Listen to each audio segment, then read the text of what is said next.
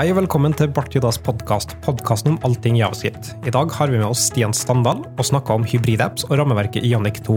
I tillegg til månedens gjest så har vi med faste panelisten som er Christian, Hallo. Marius Hei. og med Mikael. Så Stian, har du lyst til å introdusere deg sjøl litt? Hei, jeg heter Stian Standal.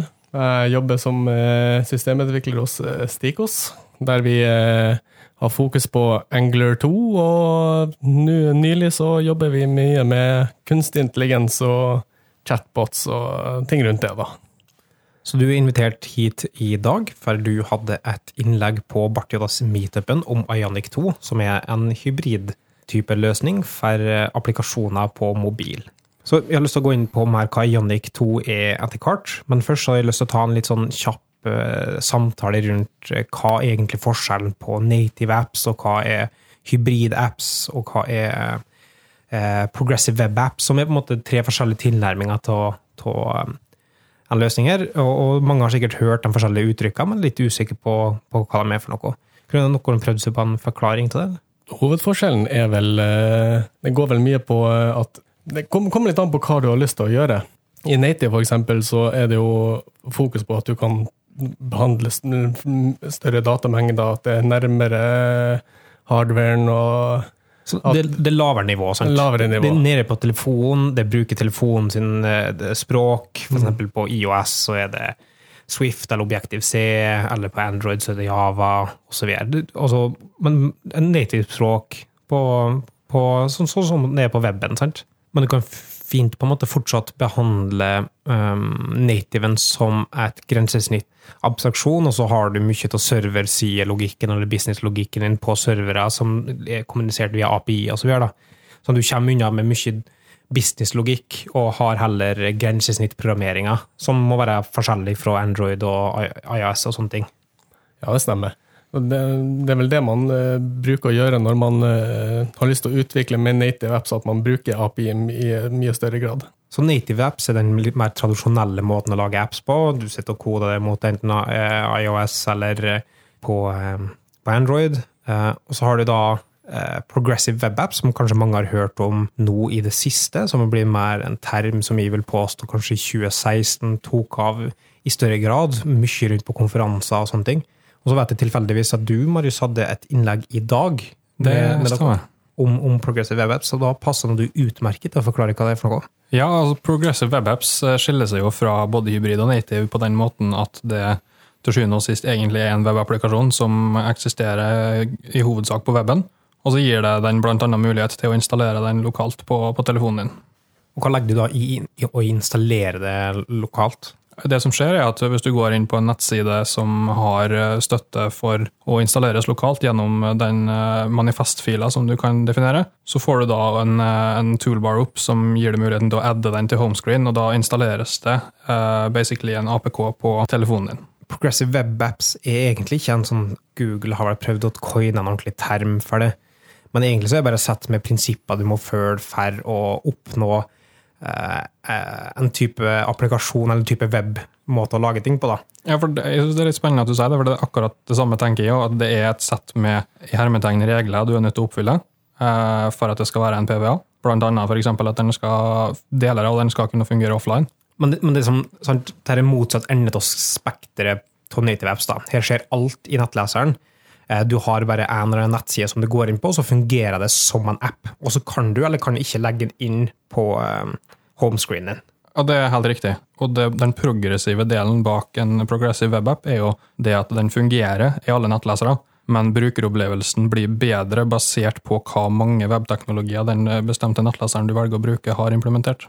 Og det er da en, en kjent sånn konsept som har eksistert i weben i mange mange, mange, mange år, men det, jeg føler at den kanskje blir mer og mer glemt etter hvert som vi får mer fokus på webapps. Men det er sånn progressive enhancement, eller progressive enhancement, hvis du vil si det på engelsk. da. Men at eh, hensikten om å lage noe til å fungere, og så hvis du støtter ting, så legger du på mer features, og så, og så går det oppover. sånn der da. Men jeg tror kanskje eh, hovedfordelen til sånn som progressive web apps, og grunnen til at det blir mer og mer aktuelt, kanskje ikke like aktuelt i Norge, eh, like stor grunn til at det er aktuelt i Norge, men i verdensbasis, så er det nettopp det med at du ikke trenger nødvendigvis å installere en ordentlig app. Hvis du ser på Facebook, så er det sånn 100 megabyte minst, bare for å laste ned Facebook. Og den kommer med eh, biukentlige oppdateringer på snitt på 60 megabyte. Eh, Så det er mye megabyte å distribuere ut, mye megabyte å laste ned, for å få litt mer performance. Men i mange tilfeller så er performancen ikke den, eh, den, den viktigste featuren. da. Definitivt. Og, akkurat det der med, med størrelse på applikasjonene er jo ett aspekt som, som du nevnte, at vi blir ikke så forferdelig berørt av i Norge. Vi har god internettilgang og alt som fører med seg av det, men eh, i andre land der det ikke nødvendigvis der de har det, så er jo Progressive Web Apps midt i blinken. Men et annet aspekt ved Progressive Web Apps som jeg syns er litt spennende, er jo at det app-økosystemet som vi har i dag, er jo ikke det det var for x antall år siden, når eh, AppStores ble introdusert. Hvis du lager en, en app i dag så, og, og publiserer den på en native appstore, så dytter du basically en app inn i et stort svart hull, og det er ingen garanti for at noen oppdager den eh, i det hele tatt. Når iPhone først kom, så skulle den ikke være apps, det skulle være webapps. Sant? Det skulle ikke være en appstore. Den første 2007 når det kom, så var det ikke noe webapp. For det skulle være liksom Nei, eh, appstore, for det skulle være webapp som en ting. Og så var ikke teknologien helt der, så ble det apps, og så innså de at de kunne tjene billionavis på milliardavis, som det heter på norsk. Ja, og og det er ekstremt fascinerende å tenke tilbake på, eh, med tanke på hva utbredt appstores har blitt i dag. Men på Progressive Web Apps så forutsetter den bruker kun web-API-er. Så det som er støtta i nettleseren, er det du kan gjøre. Så det betyr at du må ta hensyn til mange forskjellige nettlesere. Du må tenke på at ikke alle den markedet som du targeter, har så og så moderne nettlesere, så de kan takle dem og dem, osv. Du er begrenset til det som er innebygd i nettleseren. Det er korrekt. Mens native så har du på en måte trade-offen der at du må laste ned ting, men du har alt som er støtta på telefonen, og du har mye mer tilgang på mye mer ting, som kamera og kompass osv. Du har tilgang på sånne ting på Progressive Web Apps nå i moderne API, men sånn orientation API, for eksempel, som har eksistert i fem år, i hvert fall, på Safari og i Chrome, det har forskjeller, og de fungerer ikke bra på tvers av dem, og de fungerer forskjellig. Og det er problematisk. Eh, IOS støtter ikke ting som Service Worker, så får du ikke ordentlig offline-støtte uten App Manifest, som er utrolig tungvint å jobbe med. Cash Manifestet. Så det er en del kostnader rundt det her, og det er ikke alle tilfeller det egner seg så bra. Så du har ikke tilgang på alle moderne API-er osv.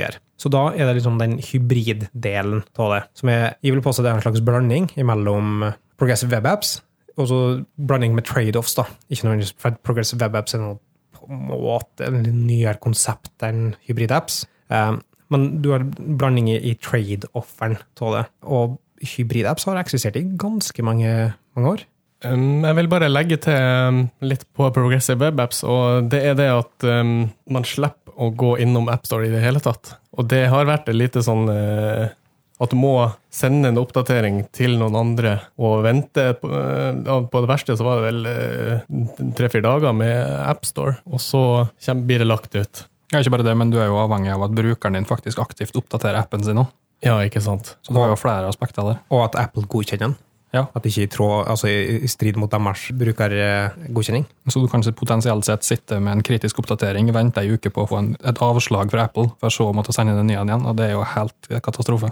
Ja, ikke sant. I tillegg til det så um, har jeg lest at uh, search engine optimization er noe du får i uh, Progressive Web Apps. At hvis det, når det først ligger på nett, så har Google sin bot tilgang til det, og da kan den begynne å crawle. Og, uh, så hvis du har f.eks. en nyhetsprogressive nyhetsapp, så kan uh, Google få tak i det og indeksere det, og da blir det da slipper du å, eh, som du sa, droppe det inn i det svarte hølet, AppStore-hølet, og du får litt eh, reklame fra, fra Google sin eh, søkemotor. Ja, ikke bare det, men se for deg at du f.eks.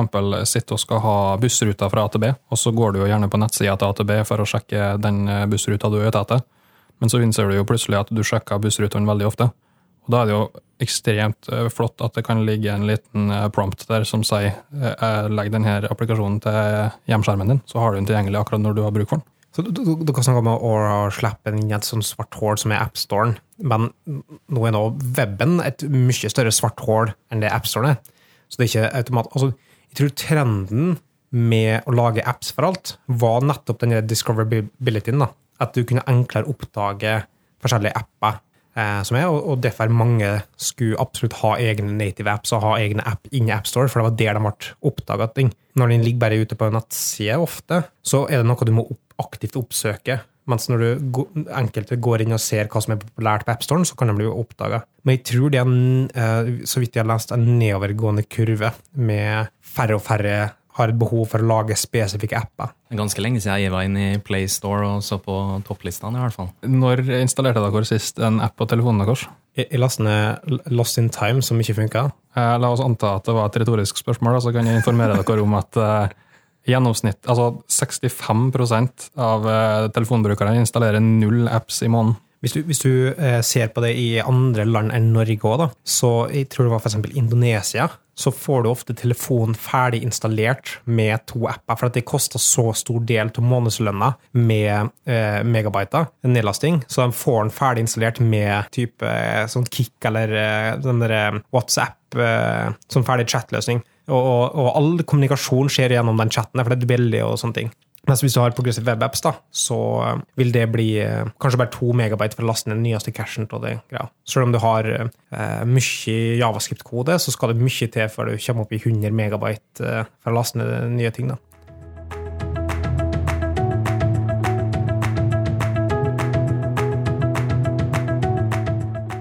Det med hybrid-apps, det er da evnen til å ta og wrappe webkode inn i noe som har tilgang på native eh, API-er. Ja, vanligvis så bruker man eh, Cordova i bunnen, men det finnes også andre rammeverk som eh, jobber mot native. Og det er eksempel React. De har sine egne, egne plugins som de bruker mot native, og så har du jo Samrin og Er Samrin omtalt som en hybridløsning? Altså, Vil ikke det kompileres ned til native-kode? Det kompileres ned til native-kode. Men det, det omtales som hybrid, fordi det kompileres ned til forskjellige øh, enheter. Eh, I tillegg så har du, som du snakka om, eh, React Native, som har en, en eh, ligger og kjører på en javascript-engine, så, så det er ikke direkte inn mot eh, Det er ikke rett inn mot native-kode, selv om du kan bruke native-kode der òg. Så er det et sånn layer of interaction som ligger oppå. Men så har vi òg en norsk eh, utfordrer til det, som heter Fuse, som eh, er, så vidt jeg vet, native, så han kompilerer ned til ordentlig native-kode, og ikke på JS Core, sånn som med React Native. Så den skal visst være litt mer performant. Så hvis du tenker at vi har aspekter spekter der native apps eh, får tilgang til alle API-er, og det er performant, og med progressive web apps så er det enklere å distribuere det ut, det er enklere tilgjengelighet, og kanskje på, med kompromiss til tilgjengeligheten av API, eller avgang på hardware-enheter, så er på en måte hybrid den som ligger imellom det spekteret, og har tilgang til native APIs, og du kan eh, skrive samme koden til tvers av forskjellige enheter, men det er ikke nødvendigvis så performant som native. I enkelte tilfeller så kan det være det, men i mange, mange tilfeller ikke. Og en utfordrer, eller en av dem som eksisterer eh, i hybridverden, er da rammeverket Ionic 2, som, som jeg tenkte vi kunne snakke litt mer om, siden du hadde hatt en presentasjon om det, Stian. Ja, Ionic 2, ja, det er um, den, den, kjører, den kjører i WebView på mobilen, enten Android eller iOS. Og, og eh, der bruker du HTML og Javascript. Egentlig i Ionic 2 så bruker du TypeScript, og den kjører opp på Cordova Engine, som er kommunikasjonsverktøyet mot native API. Så WebView er da bare en, en container som kan laste inn ei HTML-side som du kan kjøre i mobilen din. Og så har den da tilgjengeliggjort et par API-er som den har bygd, som gjør at du kan aksessere via det WebViewet inn mot de forskjellige hardware-egenskapene til mobilen. Det er vel Cordova som tar seg av. Mhm. Ja, det er WebView, altså den kommunikasjonen med WebView rundt den containeren som er der. Ionic 2 er da knytta tett opp mot Angler eh, 2, eller Angler. Det stemmer. Og uh, Angler 2 er jo uh, det rammeverket man koder i på Javascript-sida, eller TypeScript-sida. Og Det er jo de som er pådriveren for at man skal bruke TypeScript som programmeringsspråk. Kan du eh, ha lyst til å eh, kode opp mot f.eks. kompasset eller opp mot geolokasjon og sånne ting, så er det via Cordova, som vi snakka om. Men er det noen grunn til å kode ikke javascript? Eller blir alt koda i liksom, TypeScript og Angler? Alt blir koda i uh, TypeScript og uh, Angler. Du kan kode veldig mye av appen før du i det hele tatt trenger native integrasjon. Og måtte måten man legger inn native integrasjon, er at man rett og slett bare eh, installerer det ved hjelp av Ionic CLI-en, og så importerer det som en eh, komponent inn i Angular-koden. Men da har Ionic stille med fullt av forskjellige komponenter som er ferdig designa, som passer inn i deres look and feel. da. Eller altså, får du det til å se native ut? De får det til å se ganske bra ut. De har egne HTML-tags der de har beskrevet f.eks. hvis du eh, har lyst på ei liste, så eh, skriver du Ion list, og så eh, legger du til itemsene og skriver det i HTML. Og da vil den style som en Android-ting hvis du er på Android, og en IOS-ting hvis du er på en iPhone? Ja, det stemmer. For sånn som iPhone ganske, de har en egen uh, HIG, en sånn uh, Human Interface Guideline-opplegg, som uh, er ganske streng på hvordan du skal se ut. Og kanskje det har blitt litt løsere på de senere åra, men du kan lage grensesnitt som ser ut så og føles ut som en, som en iPhone. da. Ja, de har lagt veldig mye arbeid i å få den native-filen, som de kaller det animasjonene de, de, de, flyter veldig bra, uavhengig av eh, hvilken mobil du eh, sitter på, egentlig. Jeg har vært borti og kjørt Ionic-kode på en iPhone 4, og det var ingen lag imellom eh, animasjonene når du swipa på ei liste, f.eks. Vil det bli mer performant vil du si, å kjøre sånne hybrid-apps via Ionic enn å gjort det i, direkte i nettleser? Det er vel ikke noen grunn til at det skulle være kjappere? det da? Det var et webview som ligger i bakgrunnen mm. der, så det er, jo, det er, jo, egentlig en nettleser som rendrer det. Så fordelen må jo være at du får tilgang på ekstra masse hardware. Og at du vet hva slags miljø du kjører i. Du vet det webviewet du kjører i. da. Ja, og så har du tilgang til PlayStore eller IOS sin tilsvarende variant. da. Hva ville du ha sagt er hovedfordelen til noe som Ionic 2 mot liksom konkurrenten? Det kommer helt an på, egentlig. Eh, hvis man eh, skal jobbe med et team, f.eks., så hvis teamet er vant med Angular, så kan man kode i Ionic. Og hvis teamet er vant med React, så bruk React. Det handler egentlig om å få det ut så fort som mulig og teste mot kunder, rett og slett. Det som jeg har lyst til å, at vi toucha litt inn på, er jo Nå har vi jo fått eh, vite litt om hybrid apps, og mitt inntrykk er at det dekker veldig mye av det native apps gjør. Så hvis man nå setter og skal lage en uh, splitter ny applikasjon, hva er eventuelt motivasjonen for å velge native, når det har såpass mange drawbacks uh, bak seg? Men ikke alle applikasjoner er tekstbaserte applikasjoner. Ikke alle er på en måte Twitter eller en infoside og sånne ting. Mye av de applikasjonene som vi ser nå, er noe litt mer tyngre på grafikksida. Eh, kanskje det er et spill, eller kanskje det er en slags sånn immersive opplevelse av et eller annet opplegg. Så I sånne tilfeller så vil nå fortsatt en, native app gjelde. da. Det er jeg helt enig i, og, og når det er snakk om sånne ting, så, så, ser jeg jo veldig godt at native er den veien man må gå. Men mitt inntrykk her nå, eh, basert på det jeg har hørt fra dere, er jo at i veldig mange tilfeller så vil hybrid være svaret, versus native i hvert fall. Tingen er at mange tror at de skal lage apper, men egentlig så lager de bare nettsider som kan fungere på mobil. Og det er akkurat der PVA kommer inn. Ja, og, Men i tilfelle der du eh, skal interagere med kamera, da, eller WebRTC f.eks., hvis du skal vise en eller opplegg og få lasta opp kamera eller få tilgang på orient, altså orientation, som vi snakka om, så er ikke nettleser-API helt kommet fram dit de burde være, på alle plattformene. Særlig da Safari, som sliter med, med en par uh, ting ennå. Definitivt, og det er jo der det er litt uforutsigbare bak hvilken eh, nettleser brukeren din bruker, er. Eh, det er den uforutsigbarheten du har med Progressive Web Apps. Men i mange tilfeller så vil jo en PVA være mer enn tilstrekkelig for mange av dem som lager applikasjoner i dag. Snakka litt om fordeler med Ionic. Nå har ikke jeg satt meg så veldig godt inn i React Native, men har de laga e sitt eget GUI-komponentbibliotek? De bruker komponentene av plattformen.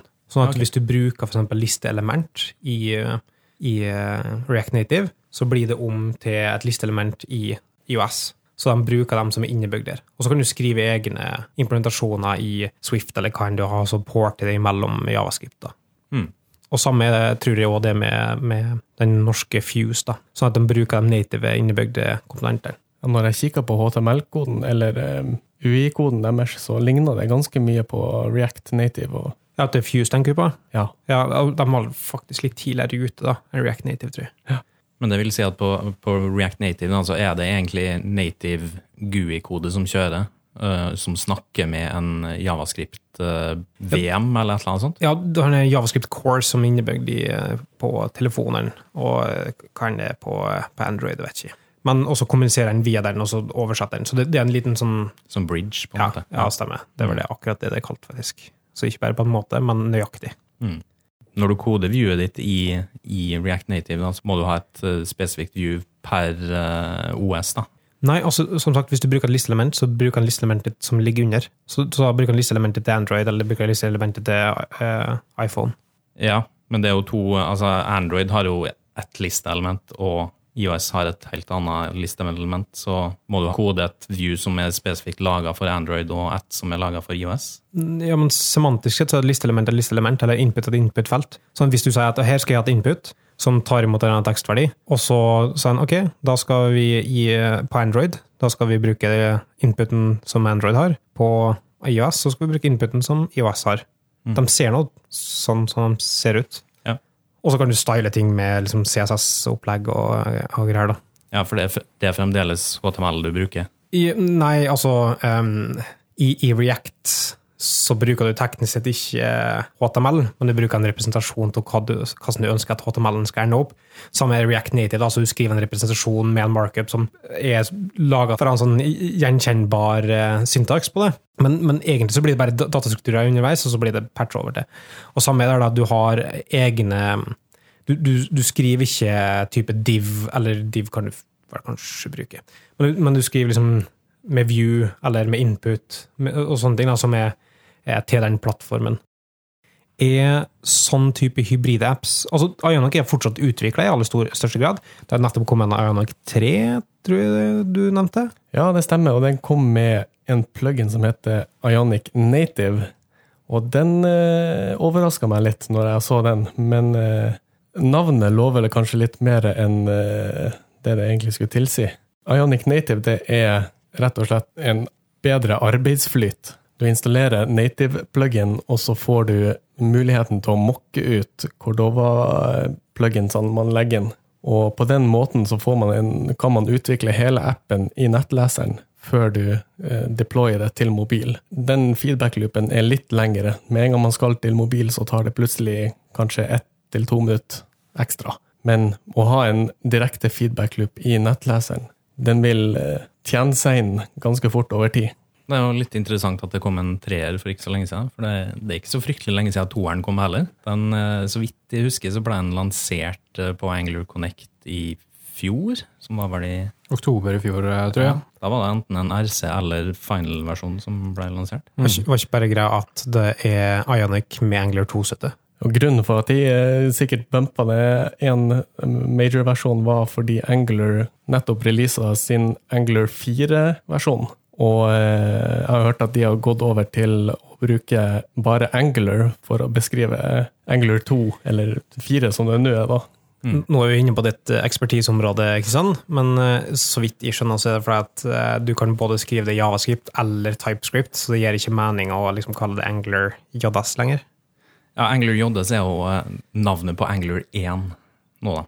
Så nå, eh, nå er Angler JS det er Angler 1, og så er Angler bare Angler. Det er alt fra toeren og utover, da. For nå skal de begynne å bruke semantic versioning, og da kommer det en major-versjon, altså det største tallet, kommer eh, to versjoner av den i året. da. Mye av tanken ved er å gå vekk fra versjonstallet, og var fordi at eh, når folk snakka om Angler, så skulle de ikke bry seg om hvilken versjon de var på. De skulle dele kompetanse på tvers av eh, versjonsnumre. Det er jo litt som, som med React. Du driver aldri og snakker om React versjon 0.14.3.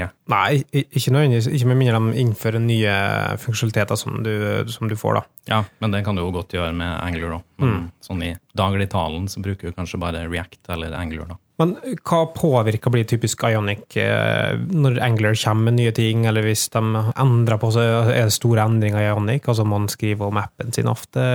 Når Angler eh, 2 var ennå i RC, så eh, slapp de en eh, modul inn i, inn i miksen eh, som gjorde at det ble ganske så eh, Det er ikke så mye omskriving, det ble litt omskriving. Men uh, Ionic 2 følger jo, hvis det er breaking change i Angler-rammeverket, så må jo Ionic også følge, følge etter. Sånn type hybridapp som blir shippa med en container, sånn som Cordova, får du egentlig fordelen av det med eh, små pakker? For de kommer og bøndler med ganske mye, og de bruker typisk å bli litt i størrelsen. Tenker du da på Ionic-koden, at den eh, ikke blir eh, tree-shaka sånn som Angler-koden? Nei, ikke annet det, men at eh, når, du, når du shipper koden, så har du det i en container WebView med Cordova. Og den i seg sjøl blir ikke altså, Vi snakka litt om det med Progressive Web Apps, at det var en sånn typisk 2 megabyte som du kunne redistribuere via connection og osv. Mens det her så må du på en måte oppdatere appen via et type AppStore eller PlayStore. Og vil det da være store uh, size, så får du den fordelen av webens lettvekthet, på en måte. Det vil jo ikke være på størrelse med native apps, vil jeg påstå, men eh, det vil jo være større enn ei webside. En progressive webapp, selvfølgelig. Men da hoster du typisk mye av det her, eh, så du kan ha en hel offline-app, for at alt blir hosta fra appen i seg sjøl. Så du slipper å tenke på det med offline, nødvendigvis sånn som i progressive app, webapps, der du må ha offline first, og tenke mye på det med at du skal cashe ting som blir lagra. For her server du ting fra appen i seg sjøl, sånn at Angular ligger bundla med der osv. osv. Alt du trenger er med i den containeren, og eh, det blir litt naturlig når du skal lage en app. Når du tester på mobil, eh, så, så eh, må du ha hele pakken for at den skal fungere. Det går ikke an å, å ha bare del, deler av pakken. Mens Ionic de har jo en plugin som heter for deploy, og det den gjør, den, den tillater faktisk at du kan hotdeploye javascript-koden uten å gå gjennom AppStore. Så for at eh, Teknisk sett så går du i WebView bare til en URL-adresse, så du kan bytte ut den. Da, på en måte Hvis du har en proxy som du oppdager en endring på fra en ekstern side, så kunne du bare swippe ut den websida. Det pluggen gjør, er at når appen starter, så kjører den eh, et lite skript som tar og sjekker, i dette tilfellet Ionic sine tjenester, om det kommer en ny versjon av appen og så tar den tak i HTML-koden og javascript-koden og laster den ned, og så hotswapper de i appen. Er ikke det litt imot Apple sine retningslinjer, f.eks.? De eh, har slått ned Det er tilfellet at de har slått ned på det, ja. ja. Har ikke, jeg har ikke opplevd at det, det har vært et problem for meg ennå. Man vil ikke gjøre f.eks. utvikling mye enklere, så det er noe du kan bruke i utvikling utviklinga av det? Det gjør det mye enklere å oppdatere apps ute på mobiler. Ja, Det høres jo supersweet ut. Ja. Det er jo litt som den PVA-en, at du får nyeste versjonen uansett. Men det går jo som sagt litt imot retningslinjene til særlig Apple. da. Hvis du skulle lagd en ny app nå, hadde det ikke vært en mer progressiv valg å gått for en progressiv webapp? En av fordelene med å, å, gå for en type Ionic 2 er jo at du får med GUI-biblioteket. Og det er designa mot både Android og IOS, og kanskje også Windows. Ja, og Blackberry og eh, Firefox OS og det du måtte ønske deg, egentlig.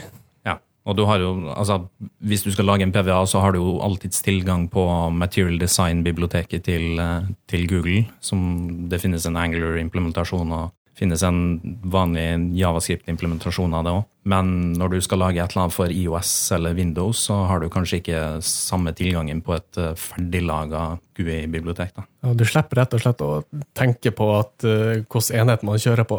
Hvis du kjører på uh, IOS, eksempel, så blir knapp en uh, bjelle i IOS vil ligne og kjennes ut som en IOS-app. Mens på Android så vil den se litt forskjellig ut, men det vil kjennes ut som en Android-app. De har lagt veldig mye arbeid inn i å få look og feelen.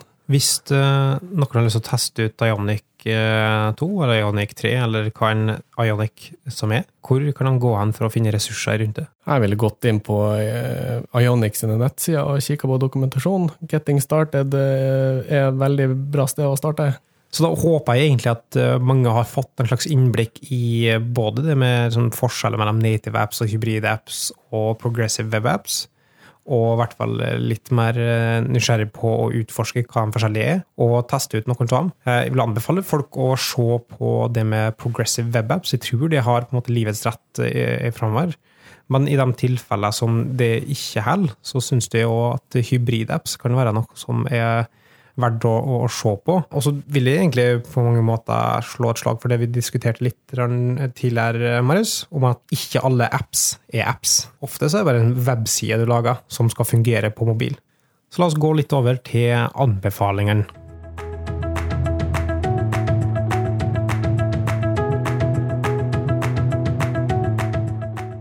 Vi har gått litt inn og snakka litt om Angler i dag, i dagens episode. Men har du noen anbefalinger fra den fronten òg i dag? Jeg har det i dag òg, altså. Jeg greide å sope fram et eller annet. Den anbefalinga mi eh, i dag, det er rett og slett NG-Conf. Som er den store Angler-konferansen borte i USA. Den begynner nå den 5. april, eh, og de streamer live på YouTube. Og de legger også ut klipp ganske kjapt etterpå, så vidt jeg husker. Så det vil jeg anbefale folk å enten følge med på live eller kikke på i ettertid. Nå som Angler har eh, gått på en måte et samarbeid med TypeScript, så er det òg en del sånn type TypeScript-type innhold i det òg, eller? Ja, jeg vil tippe at det kommer litt av hvert. Kanskje Ionic-team er på plass, og TypeScript. Kanskje det er noe RxJS der. Det er sannsynligvis det. Eh, Så det er sikkert litt av hvert. Det er ikke bare Angular 2. I tillegg så har jeg eh, sett en, eh, et kurs på egghead.io, så jeg tenkte jeg skulle skryte litt av. Og det er rett og slett et kurs på CSS Grid Layout. Det er jo eh, nytt og fancy og er på vei inn nå. Jeg sjekka Can I Use tidligere i dag, og det er støtta av 30% av dagens nettlesere, altså brukere. Det er jo en veldig god start. Jeg tror det blir mer og mer. Eh, Og dem som henger etter, det er jo så klart IE, da. Men eh, Safari.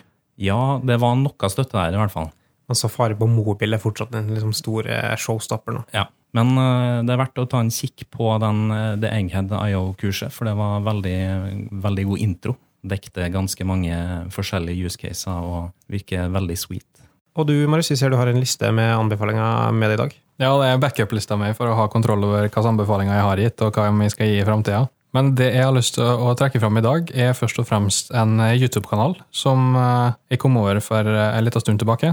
I forrige episode så slo jeg et lite slag for eh, anbefalinger som ikke var eh, verken javascript-relatert, heller ikke programmeringsrelatert. Og det er jo ingen hemmelighet at jeg er veldig veldig glad i dataspill. Og på YouTube så eksisterer det en kanal som heter for Noclip. Og det den gjør, er at den tar for seg diverse spillhistorier. Den har intervjua en god del eh, kjente spillutviklere. Eh, Og de dokumentarene som har blitt laga i forbindelse med det, ligger da gratis tilgjengelig på YouTube. Så det anbefaler jeg å sjekke ut. Min andre anbefaling er veldig relatert til en del av det vi har snakka om her i dag. Eh, Jeg har jo stått der og flagga litt for eh, Progressive Web Apps, så jeg har lyst til å anbefale den ultimate Progressive Web App-ressursen som vi har klart å finne tak i. Det er faktisk et GitHub-repo som fungerer som en liste over eh, forskjellige ressurser er relatert til Progressive Web Apps. Så der er det både lenker til videoer og oppstartsprosjekt og artikler som er verdt å lese hvis en har lyst til å sette seg enda mer inn i Progressive Web Apps.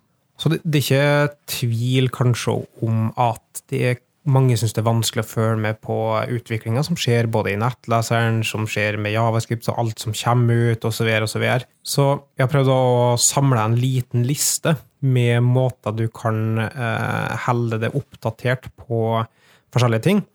Og, og det er da eh, nyhetsbrev. Så jeg har en, en liste her med fire nyhetsbrev som, som vi lenker til via en gist i eh, shownotes. Eh, Men i utgangspunktet så har du en liksom klassisk eh, Javascript Weekly og Frontend Focus, som til dels kan være litt sånn rammeverksorientert og mye sånn kodeimplementasjonsorientert, men av og til så kommer det et par eh, juveler der som forklarer ting ganske bra, eller som har gode innholdsartikler som er verdt å følge med på. I tillegg så har du en eh, Ponyfoo Weekly, som er en eh, som jeg lurer på om heter Niklas, jeg husker ikke en hans eh, i farta, men det er en person som driver en blogg som har litt sånn nyhetsbrev med oppsummering av forskjellige ting som kommer i Javascript og web eh, generelt, som er litt mer kurert enn de eh, JS Weekly og Frontend Focus. Eh, I tillegg så er det en som heter Web Development Reading List, som er en helt kurert nyhetsliste med håndplukka elementer med beskrivelse av hver en artikkel, sånn at du i lettere grad kan bare skanne over og lese dem og få noe verdi ut av det, og se om det er noe du ønsker å lese. Så min, eh, så min anbefaling er egentlig